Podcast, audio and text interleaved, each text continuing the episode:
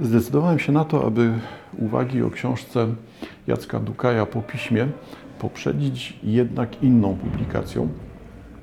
Ze względu na to, że e, Dukaj zakłada, iż większość rzeczy, które on omawia w swojej, swoim zbiorze esejów, to są sprawy e, jasne, oczywiste, powszechnie znane. I zapewne tak jest, aczkolwiek, aby ten teren pod eseje Dukaja wzbogacić, chciałbym sięgnąć do książki czy znajomość po prostu kontekstu, lepiej tak, znajomość kontekstu esejów Dukaja po piśmie e, poszerzyć, to zdecydowałem się na sięgnięcie do książki, książka popularna, obecna w życiu literackim światowym, e, książka Mata Alta, zatytułowana Czysty wymysł, jak japońska popkultura podbiła świat. Ten czysty wymysł rzeczywiście jest tytułem e, prowokacyjnym. Od razu po odwróceniu e, karteczki widzimy, że zaczerpnięty, e, zaczerpnięto określenie czysty wymysł jako określenie dotyczące osiągnięć Japonii, kultury japońskiej, nie jest autorstwa Mata Alta, jest zaczerpnięte z hmm, recenzji, eseju Oscara Wilda. 1891 rok, Oscar Wilde pisze, no niech będzie, że esej Upadek sztuki kłamstwa, obserwacje. I tutaj esej, recenzja poświęcona e, przedstawieniu operowemu. Powróci też u Mata Alta komentarz do, do tego sformułowania Oscara Wilda. Jako motto powieści, czyste powieści, jako motto Hmm, no znowu, zbioru esejów chyba tak byłoby najbliżej, chociaż tutaj głównie esejów poświęconych kulturze i historii jednocześnie. Wobec tego motto Oscara Wilda brzmi: W rzeczywistości cała Japonia jest czystym wymysłem. Nie ma takiego kraju, nie ma takich ludzi. Japończycy są, jak powiedziałem, po prostu modnym stylem, wyrafinowanym pomysłem sztuki. Ten czysty wymysł jest tutaj prowokacyjny, ponieważ oryginał w języku angielskim nie jest tak jednoznacznie negatywnie obciążony, ze względu na to, że w języku polskim wymysł jednak brzmi jako coś dziwacznego, odmiennego, e, historia nie z tej ziemi, coś sztucznie wymyślonego jako rodzaj prowokacji, tak, wymysł. Wyraźnie słychać w tym negatyw. E, negatywny sąd. E, tutaj nie ma w książce uwag negatywnych. E, są uwagi, które pozwalają nam zorientować się może w ostatnim stuleciu, bo ten Oscar Wilde by tak to poszerzał stulecie nawet, mm, ja bym jednak proponował, że najważniejsze, najważniejszy kontekst tejów Mata Alta to będą lata głównie po II wojnie światowej, a chyba największe ostatnie 30-40 lat. Nie jest to książka historyczna. To jest książka o pewnym zmaganiu się z zagadnieniem, hmm, chyba ważnym dla wielu współczesnych ludzi, z pytaniem o to, dlaczego Japonia akurat ma być czymś interesującym globalnie. Dlaczego akurat wszystko, co związane z Japonią, jest jakimś komentarzem, wyjaśnieniem dotyczącym naszej współczesności. I próbuje nam to wyjaśnić autor. Na przykład, już ze wstępu. Pod koniec XIX wieku, tuż u progu XX stulecia, zachodni świat opanowała nowa moda japonizm. Japonia ponownie otworzyła swoje porty dopiero kilka dekad wcześniej. Angielscy, francuscy i amerykańscy znawcy, wyznaczający nowe trendy, rzucili się na tamtejszą sztukę i literaturę, doszukując się w nich wartości, które w ich mniemaniu zachodnie społeczeństwa porzuciły w pogoni za rozwojem przemysłowym. I to jest ciekawy punkt widzenia, bo z jednej strony Japonia zamknięta, Japonia decydująca się na kilkusetletnią izolację, no kilkusetletnią warto było doprecyzować, ale to nie tym razem. E, po tym okresie izolacji pojawia się w świecie i pojawia się w świecie w kontekście ratunku. Czyli zauważcie Państwo, jaka tutaj teza się pojawia. Rzucili się znawcy francuscy, angielscy, amerykańscy na tamtejszą sztukę i literaturę, doszukując się w nich wartości, które w ich mniemaniu zachodnie społeczeństwa porzuciły w pogoni za rozwojem przemysłowym. Ciąg dalszy. Japonia była wspaniałym, cudownym krajem, którego mieszkańcy mężni są bez miary, mądrzy nie do opisania, uprzejmi do przesady i niezwykle troskliwy. I tutaj pojawia się kontekst e, motta zaczerpniętego z recenzji eseju e, Oskara Wilda. E, dotyczy ten tekst opery Mikado z 1885 roku. Te, to nastawienie do Japonii, takie właśnie, że Japonia ma być zbawieniem dla świata komercji i industrializacji, e, z tym dyskutuje, czy to stara się podważyć e, Oscar, Oscar White. Stąd to określenie Japonia czysty wymysł, Japonia jako fantazja stworzona przez Zachód. Czyli nie tyle widać tutaj rzeczy nowe, które Japończycy mieliby wnosić do świata zachodniego, czy wnosić do globalnej kultury, e, ile Japończycy są projekcją oczekiwań. I tutaj te napięcia będą rzeczywiście ważne. Na ile Japonia wytwarza nowe zjawiska, wartości, postawy, nowe globalnie, a na ile Japonia zaspokaja potrzeby, które widzimy w oczekiwaniach wobec Japonii. Napięcie rzeczywiście jest interesujące, ale to już odpowiedź po stronie czytelnika. Gdy sięgniemy dalej, już do naszego XX wieku, zostawmy w spokoju e, otwarcie Japonii w XIX wieku, no to czytamy u autora czystego wymysłu. Po sromotnej porażce w 1945 roku japońscy producenci robili co w ich mocy, by ukryć pochodzenie towarów, które wysyłali w świat.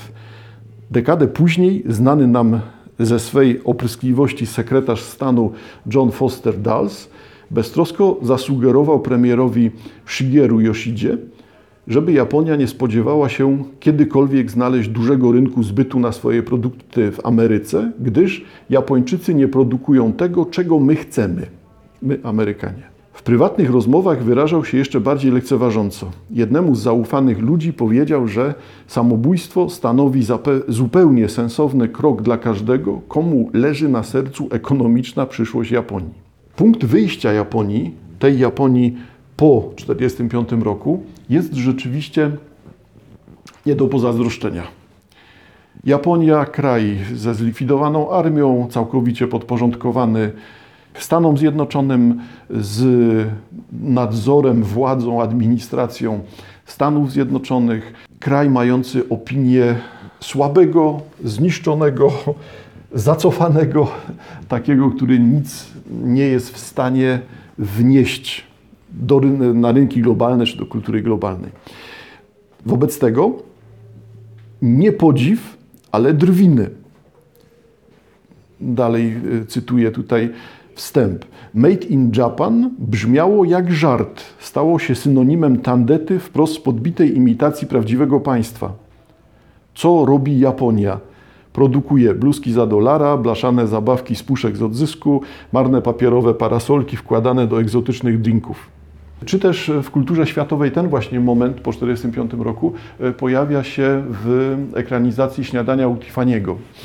Film Śniadanie u Tiffany'ego Audrey Hepburn oczywiście pamiętamy, ale pojawia się tam postać Japończyka. Japończyka Junioshi, grający, grany przez Mikeya Runeya. I jest to przecież postać no, będąca parodią, parodią tego, co japońskie. Niedowidzący, krzywozębny, stale krzyczący, e, reagujący na wszystko źle, e, postać człowieka, który nienawidzi e, Japończyka, który nienawidzi świata, nienawidzi innych ludzi, jest od nich całkowicie odgrodzony, odizolowany i pogardza też i sobą, i tym światem. Czyli to jest ten moment, w którym widzimy Japonię chwilę po 1945 roku. I taki no cóż, parodystyczny wizerunek Japonii, to jest reakcja na to, co Japonia oferuje chwilę po II wojnie światowej. W rzeczywistości cała ta lista, która pojawiła się przed chwilą, chociażby ta o tych blaszanych zabawkach, z puszek, to już jest prowokacją samego Alta. Dlatego, że to właśnie w tych zabawkach widzi e, Alt początek tej Japonii, która przez kilkadziesiąt lat uzyskała taką pozycję, jaką widzimy dzisiaj. Dalej jeszcze tylko parę zdań ze wstępu e, Alta. Odrodzenie Japonii z powojętych zgliszczy jej przemiana w ekonomicznego tygrysa to gruntownie zbadany obszar. Tak samo jak krach giełdowy, który powalił cały kraj na kolana w latach 90. XX wieku oczywiście. Spojrzenia z szerszej perspektywy polityki i ekonomii bywają jednak frustrujące, ponieważ nie obejmują sposobu, w jaki większość z nas obcuje z Japonią, czyli poprzez jej wytwory, czy to na poziomie indywidualnym czy społecznym. Dlatego w niniejszej książce obrałem inną ścieżkę. Traktuję sytuację ekonomiczną jako tło dla o wiele większej opowieści, historii tego, jak japońscy twórcy zredefiniowali, co znaczy być człowiekiem w dzisiejszych czasach.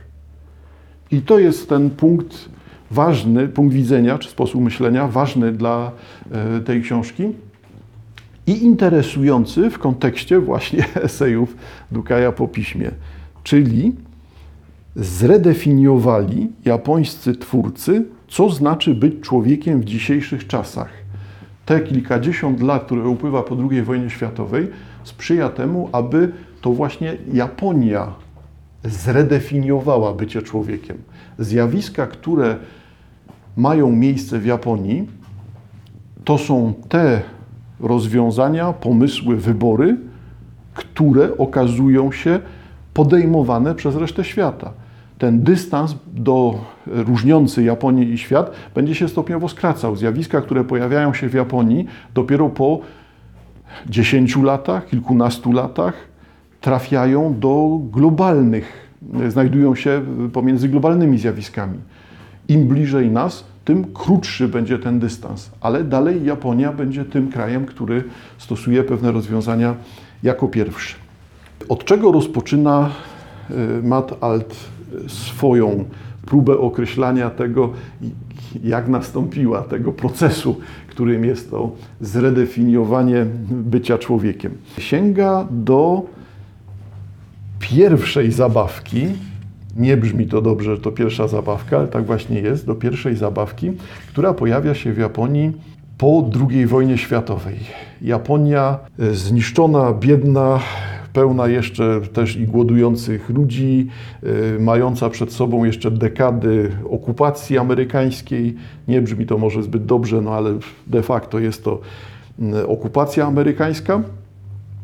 Wobec tego po 1945 roku, jeżeli e, Japończycy szukają czegoś e, kolorowego, zabawkowego, czy też japońskie dzieci, jeżeli chcą znaleźć przedmiot służący do zabawy, no to będą wpatrzone w to, co widzą jako realia codzienne, a w realiach codziennych japońskich będzie dominowała wtedy kultura amerykańska. Cytuję Mata Oficjalnie okupacja trwała do odzyskania niepodległości przez niemal cały kraj w 1952 roku. Obowiązywała nowa konstytucja napisana e, przez Amerykanów. E, jeepy jednak pozostały, gdyż niezależność pokonanego państwa opierała się na warunkach traktatu o wzajemnej współpracy. Umowa mocno krzywdząca i od samego początku negocjacji powszechnie krytykowana jak przez zmęczonych wojną obywateli, obligowała Japonię do utrzymania na całym swoim terytorium amerykańskich baz wojskowych, które miały działać niezależnie od lokalnych władz i poza zasięgiem japońskiego prawa. Innymi słowy, stanowiły obszar wiecznej okupacji. Czyli mamy rzeczywistość Japonii, która poniosła klęskę, Japonii podporządkowanej USA, Japonii pełnej żołnierzy USA. Oczywiste wobec tego staje się, że jedna z pierwszych zabawek, która tu się pojawi, będzie to zabawka wzorowana na tym, co widać na ulicy, czyli na samochodach żołnierzy. Bardzo ciekawie brzmią uwagi Mata Alta dotyczące tego, dlaczego te, te drobiazgi, przedmioty, zabawki, które w zasadzie odruchowo można by było pominąć albo zlekceważyć, stanowią coś ważnego. I tutaj dotrzemy do tego, że właśnie w tym, co hmm, zabawkowe, popkulturowe, tym, co odruchowo raczej traktujemy hmm, z przymrużeniem oka i wolimy szukać poważnych dzieł sztuki, niech będzie, czy poważnych wypowiedzi, czy w sztuce, czy w literaturze powiązanych, należących do kultury japońskiej. Tutaj te drobiazgi o wiele pełniej definiują kulturę japońską niż to, do czego się przyzwyczailiśmy, tak? że będziemy szukać monumentalnych tekstów, monumentalnych dzieł sztuki czy monumentalnych dzieł muzycznych. Troszkę inaczej. I cytuję: Pudełka i ramy, zarówno metaforyczne, jak i te całkiem dosłowne, są decydujące dla charakteru japońskiej kultury materialnej. Specjalny pojemnik do bento podkreśla walory e, bento lunch, tak będzie najprościej. E, do bento podkreśla walory pomysłowo ułożonego w nim jedzenia, zaostrzając nasz apetyt.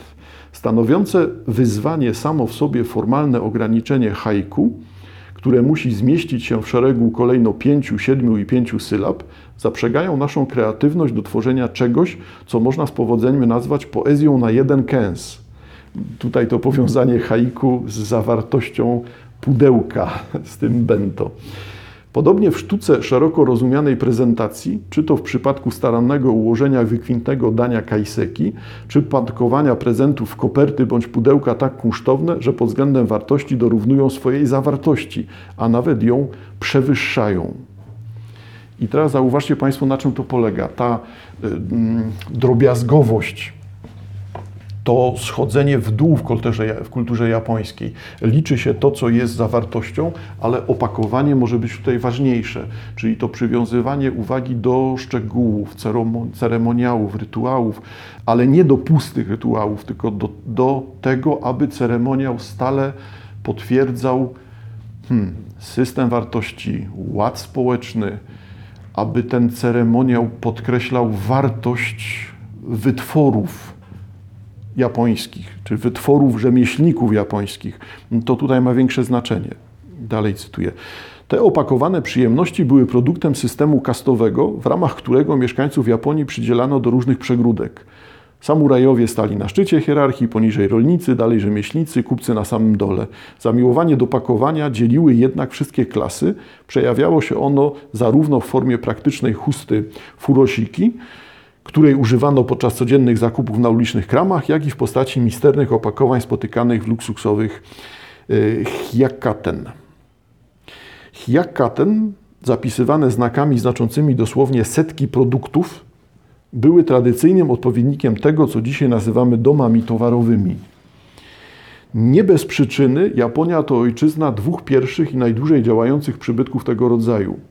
Mowa o sieci Mitsuzayaka, założonej w 1611 roku i Mitsukoshi, której historia sięga 1673 roku.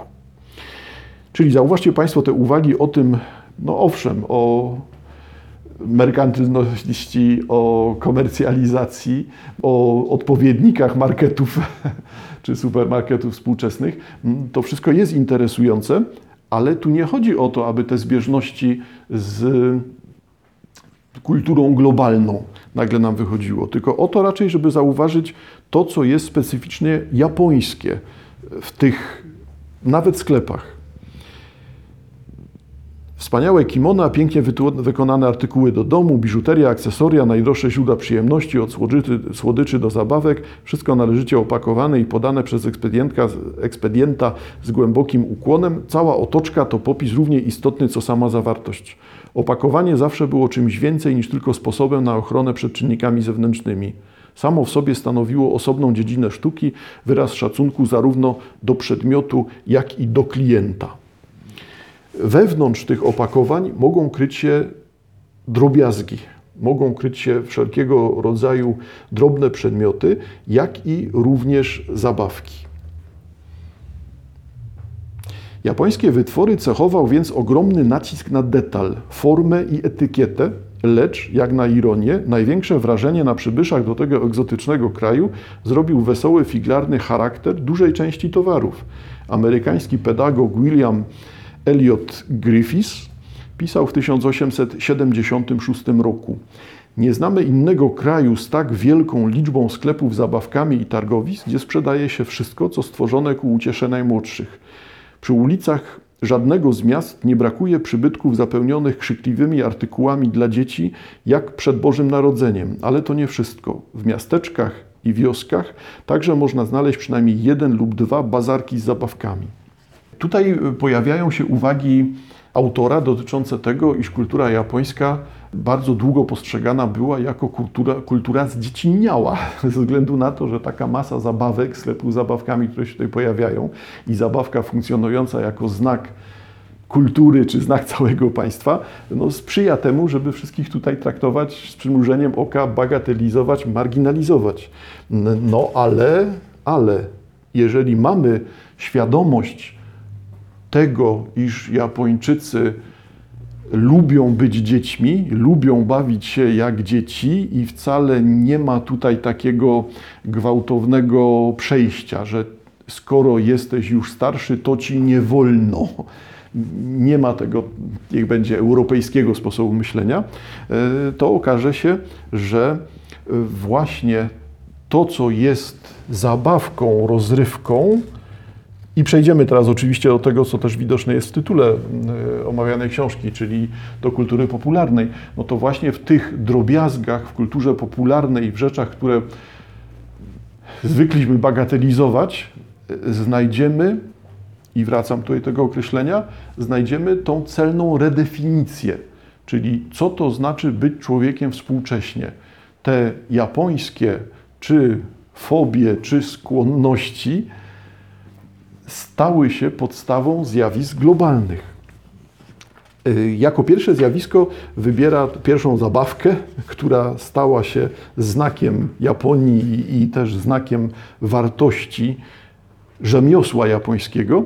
Y, była, czy, czy też wybiera jako pierwszą zabawkę y, autor dzieło Matsuzo Kosuge, który zajmował się produkcją zabawek przed II wojną światową i po II wojnie światowej jako jeden z pierwszych wznowił produkcję zabawek i rzecz jasna tą pierwszą zabawką w Japonii był blaszany jeep. To, co widziały dzieci na ulicach, czyli ten malowany w barwy wojskowe z białą gwiazdą, typowy amerykański jeep. Ze względu na to, że nie było materiałów, to ten y, Jeep produkowany był rzeczywiście z puszek. Pierwsze produkty, które tutaj się pojawiały, y, miały znak y, zrobiono w okupowanej Japonii, żeby jeszcze mocniej wyodrębniać to, że jest to produkt, który tak łatwo można by było, no właśnie, zmarginalizować, odrzucić. Dlaczego to ma takie znaczenie w całej tej książce? E, dlatego, że tutaj w samodzielnym, obszernym rozdziale następuje e, bardzo mocne docenienie czy podkreślenie zasług rzemiosła japońskiego. Tego, że blacha z odzysku, blacha z puszki jest w stanie osiągnąć taką drobiazgowość, czy tak drobiazgowo można tą blachę przerobić na no, małe w rzeczywistości po prostu blaszane autko, e, umiejętnie pomalowane. I to autko staje się nagle czymś, co jest wyborem Japończyków i staje się produktem, który obecnie jest na całym świecie. E, następne lata czy następne dziesięciolecia będą potwierdzały rangę autora tego Jeepa, ponieważ będzie on produkował zabawki blaszane, Dzisiaj to rzeczywiście dziwnie brzmi, te zabawki blaszane, ale wtedy były to mm, precyzyjnie, z wielką dbałością o szczegóły e, wykonywane modele. I może najbliżej dzisiaj byłoby temu nadać temu, co produkuje Kotsuge, produkował Kotsuge miano modeli w różnej skali, ale bardzo precyzyjnych, drobiazgowo wykończonych, idealnie pomalowanych modeli pojazdów. Te zabawki pokazują możliwości japońskiego rzemiosła, możliwości doskonalenia czegoś wydawałoby się bardzo prostego, czegoś, co łatwo było pominąć. Pewnie ta zabawka ma tutaj dla Mata Alta większe znaczenie. Właśnie wybór tej zabawki jako początku popkultury japońskiej, jako początku tego znaku, ponieważ karierę samochody e, Kotsuge zrobiły karierę także w Stanach Zjednoczonych. Wobec tego Kosuge tutaj e, stał się ostatecznie marką, marką i legendą. E, To jest ten moment genezy, czyli już nie ma tego prostego przełożenia, że skoro to jest japońskie, to oznacza, że to jest szmelc, tylko oznacza to właśnie, że japońskie, więc dobre. Ślady tych podwójności ocen rzemiosła japońskiego no, znajdziemy oczywiście w wielu wytworach popkultury światowej, także i w wielu filmach amerykańskich. Takie napięcia są, czy hollywoodzkich w tym sensie, takie napięcia są e, pokazywane.